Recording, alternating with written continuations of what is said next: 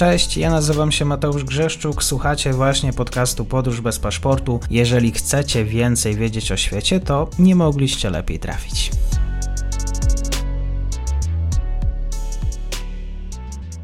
Dzień dobry Państwu, dzień dobry wszystkim słuchaczom. Kolejny raport z frontu. Marek Kozuber. Marku, dzień dobry, kłaniam się. Witam Mateuszu, pozdrawiam również słuchaczy i widzów. Jakie postępy ukraińskie przez ostatni, e, ostatnie dwa dni, weekend właściwie? No przede wszystkim e, przez te ostatnie kilka dni nie doszło do jakichś e, ogromnych zmian na linii frontu, ale należy odnotować fakty przesunięcia na południe frontu przez Ukraińców i tutaj przede wszystkim zauważalne są zmiany pod wsią Robotynę, czyli właśnie tutaj na południe od y, Orichowa. Y, chodzi o to, że Ukraińcy zaczynają oskrzydlać Robotynę.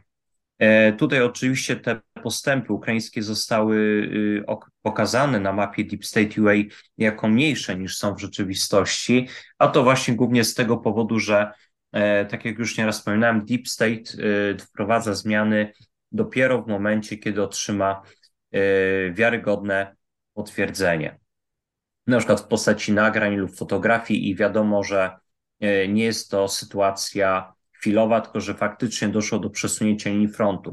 Ale e, z różnych informacji, e, jakie docierają, okazuje się, że wieś Robotyny jest oskrzydlana. Pod samą wsią front się tak na dobrą sprawę zatrzymał.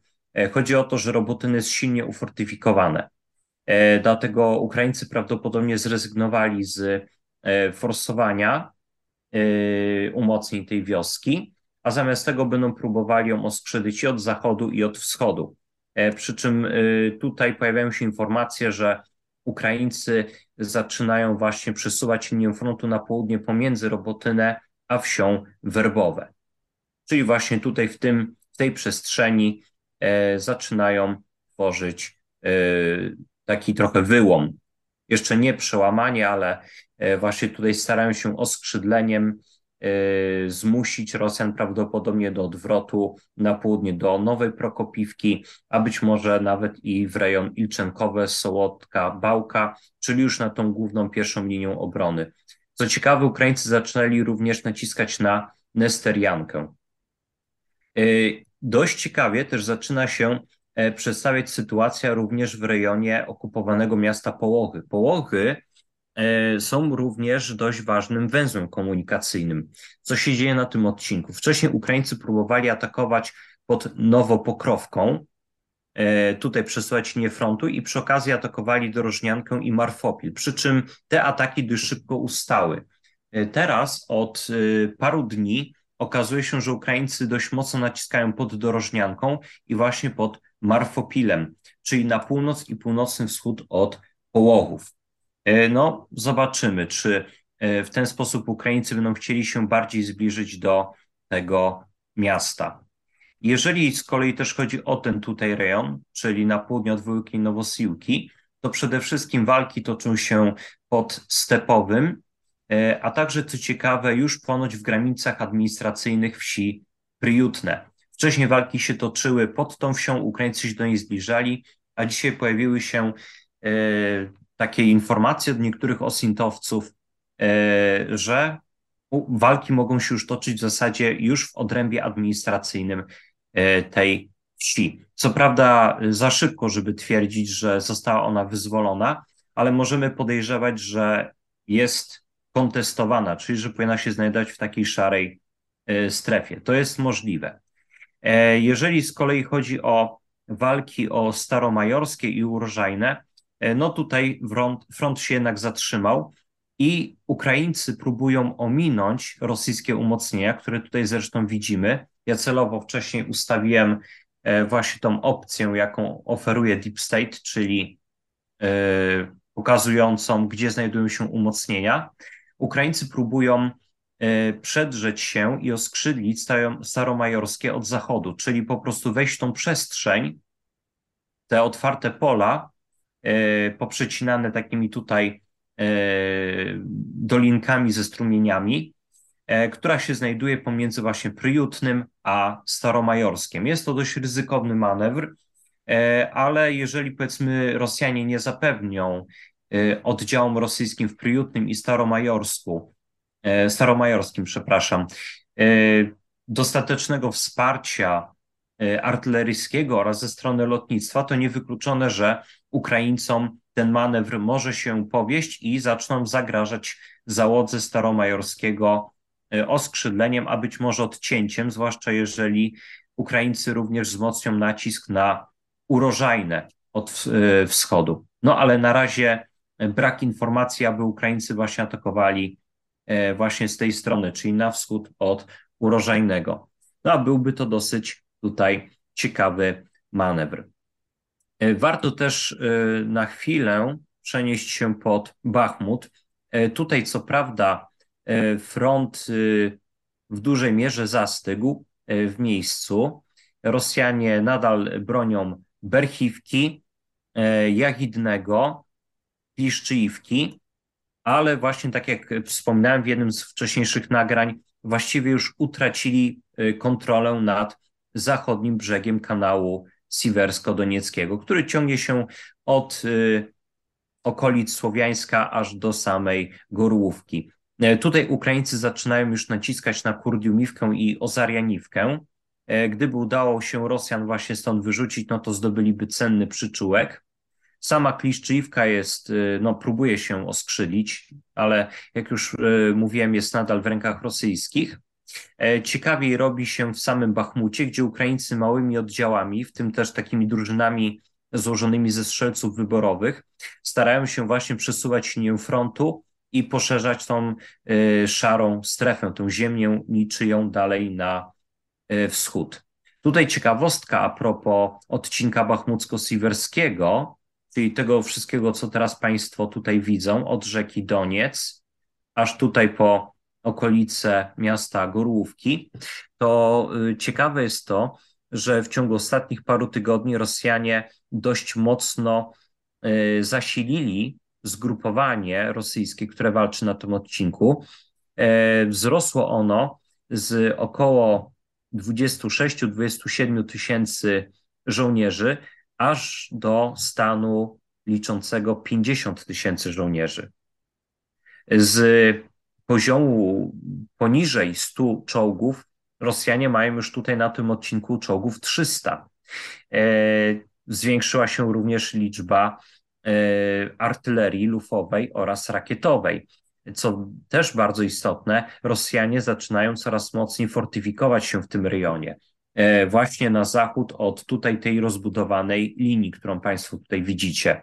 Takie trochę Y, pomaza, wygląda jak takie pomazane, bezsensowne, prawda, linie, ale nie, to nie jest dzieło dziecka, które siadło przy pańcie, tylko po prostu to jest tutaj naprawdę rozbudowana przez Rosjan linia obrony, tak można powiedzieć, że na wszelki wypadek.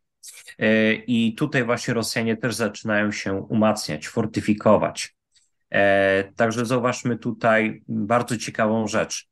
E, Rosjanie traktują ten odcinek bachmucko-siwerski jako również niezwykle ważny, niezwykle istotny i część swoich rezerw wysyłają właśnie na ten odcinek.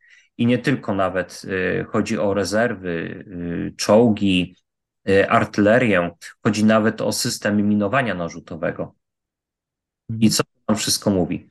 E, być może Ukraińcy tutaj w ten sposób realizują e, ten plan, który polega na tym, aby Rosjanie rozproszyli jak tylko się da swoje siły e, i zarazem rezerwy, żeby zarazem też rozpraszali te systemy, które stanowią bardzo duże zagrożenie, a mogłyby się przydać właśnie na odcinku zaporowsko-wuchederskim, czyli na tym odcinku południowym, gdzie, no jak w, w zasadzie bardzo wiele osób wskazuje, e, trwa właśnie ukraińska ofensywa lub e, taki jej wstępny etap, czyli kształtowanie pola walki. Mhm. Tu warto jeszcze wspomnieć o jednej rzeczy, o odcinku hersońskim, bo okazuje się, że w północnej części miasta Ołeszki, czyli przy tym południowym wylocie mostu antoniwskiego, który tutaj właśnie prowadzi z Hersonia, no toczą się walki. Ukraińcy tutaj kontrolują ten teren. Rosjanie starali się w weekend ich stąd wyprzeć. Nawet używano rakiety balistycznej Iskander, co ciekawe, żeby ich stamtąd mhm. wy, no, tak wyrzucić. No, uderzenie rakiety doprowadziło do tego, że jeden z pasów tego mostu został y, zniszczony i się zawalił. To jest właśnie tutaj w tej e, północnej części e, Ołeszek, e, ale no, pojawiają się doniesienia, że Ukraińcy nie dali się wyprzeć, że nadal tutaj kontrolują ten teren, kontrolują również wyspy, które się znajdują w delcie Dniepru. E, I być może jest to też jedna z e, tych operacji, które mają na celu e, skłonienie Rosjan do wysłania też choć części rezerw również na ten odcinek. Odcinek, z którego warto tutaj przypomnieć, Rosjanie już wysyłali swoje oddziały na odcinek zaporowski, prawda? To było zaraz po wysadzeniu tamy na Nowej Kachowce. Warto jeszcze tutaj, myślę, tak moim zdaniem, polecić jeszcze jedną fajną rzecz. E, drodzy Państwo, na e, YouTubie e, swój kanał ma Valerii Markus. To jest główny sierżant 47. Brygady Szturmowej Sił Zbrojnych Ukrainy. I umieścił on właśnie parę dni temu bardzo ciekawe nagranie. Ono trwa ze trzy kwadranse i przedstawia ono działania oddziałów ukraińskiej piechoty z tejże brygady. To, jak posuwają się naprzód, powoli, ale systematycznie, y, zdobywają kolejne rosyjskie y, pozycje. No, takie można powiedzieć, niezbyt jakoś tak mm, pomysłowo stworzone linie okopów, takie można powiedzieć bardziej niewielkie przyczółki, ale w każdym razie cały czas posuwają się naprzód, zadają przeciwnikowi E, straty, bardzo ciekawy e, film, dlatego no, gorąco go polecam. E, jest to w zasadzie jeden z tych dowodów na to, że Ukraińcy posuwają się powoli, ale systematycznie nadal na południe. Też warto wspomnieć o tym, że 30 czerwca ukazał się wywiad z generałem Wałerijem Załużnym, E, który poddał krytyce tak zwanych kanapowych strategów z Zachodu, e, którzy już wieszczyli klęskę e, ukraińską w ofensywie albo oczekiwali, że to będzie niemalże blitzkrieg rodem z powiedzmy Francji z 1940 roku albo z pierwszych miesięcy operacji Barbarossa, czyli tutaj przypomnę wojny niemiecko-sowieckiej. E, która zaczęła się 22 czerwca 1941 roku. E, no i również podkreślił jeszcze jedną rzecz. E, Ukraińcy y, atakują w dość ciężkich warunkach, warunkach, w których muszą przedzierać się przez pola minowe, przez umocnienia, które były przygotowywane miesiącami na ukraińskie uderzenie, y, nie mając elementu zaskoczenia i przede wszystkim też nie mając E, miażdżącej przewagi powietrznej. Ukraińcy w tych warunkach e, systematycznie idą naprzód. Niekiedy e, nawet pokonują pół kilometra dziennie. Z jednej strony może to nie jest jakaś imponująca liczba, zwłaszcza kiedy przyjrzymy się tym no, potężnym ukraińskim przestrzeniom, prawda? No tutaj wystarczy wspomnieć, że od linii frontu pod Orichowem do powiedzmy Morza Azowskiego, no to już widzimy, że jest niemalże 100 y, kilometrów, prawda? No to jest y, ogromna liczba. Y, no, czy Ukraińcy będą iść 200 dni? No oczywiście wiadomo, że nie, ale chodzi o to, że na razie mamy do czynienia właśnie z taką sytuacją, gdzie Ukraińcy mimo wszystko systematycznie idą naprzód, idą naprzód w ciężkich warunkach, i na dodatek muszą walczyć w warunkach, w których pytanie, czy e, zechciałyby prowadzić ofensywę e, armię państw NATO. nie posiadając znaczącej przewagi mhm. powietrznej, nie posiadając znaczącej e, przewagi e, liczebnej również na lądzie. To też musimy e, podkreślić. Tutaj Ukraińcy nie dysponują jakąś trzykrotną przewagą nad przeciwnikiem, ale mimo wszystko zadają mu dość ciężkie straty i posuwają się naprzód. I tutaj myślę, że warte byłoby też porównanie tego, Y, jak rozkładają się te potwierdzone materiałem fotograficznym oraz filmowym straty, które są chociażby zarejestrowane przez portal Oryx, które ponieśli na całym froncie wojny rosyjsko-ukraińskiej i Rosjanie, i Ukraińcy. I tutaj myślę, że ten bilans, wbrew pozorom, on wypada dość dobrze na korzyść strony ukraińskiej. Czy możemy liczyć na to, że jeszcze w tym miesiącu Ukraińcy zajmą e, ten pas przesłaniania, który jest przed e, tą pierwszą główną rosyjską linią umocnień. Moim zdaniem jest to możliwe, ale e, można powiedzieć, że ukraińska ofensywa nabierze tempa, wejdzie w tą taką generalną fazę, szybszą, bardziej intensywną, zapewne wtedy, kiedy Ukraińcy stwierdzą, że Rosjanie już wyczerpali sporą część swoich rezerw, e, już umieścili je na linii frontu, kiedy zorientują się, że e, plan polegający na odcinaniu, odcinaniu przeciwnika od zaopatrzenia zaczyna działać, że to wszystko jest odczuwalne, podejrzewam, że wtedy być może zobaczymy więcej, być może wtedy zobaczymy jakieś przełamanie. A na razie no, musimy wykazać się cierpliwością. Bardzo dziękuję Marku za dzisiejsze spotkanie, za wiedzę Państwu, dziękuję za odsłuchanie, kłaniam się, do usłyszenia. Ja również dziękuję, pozdrawiam serdecznie. I to już koniec na dzisiaj. Zapraszam na profil podcastu Podróż bez paszportu na Facebooku, Instagramie i Twitterze. Zachęcam też do wsparcia mojej pracy na serwisie Patronite oraz Buy Coffee. Do usłyszenia.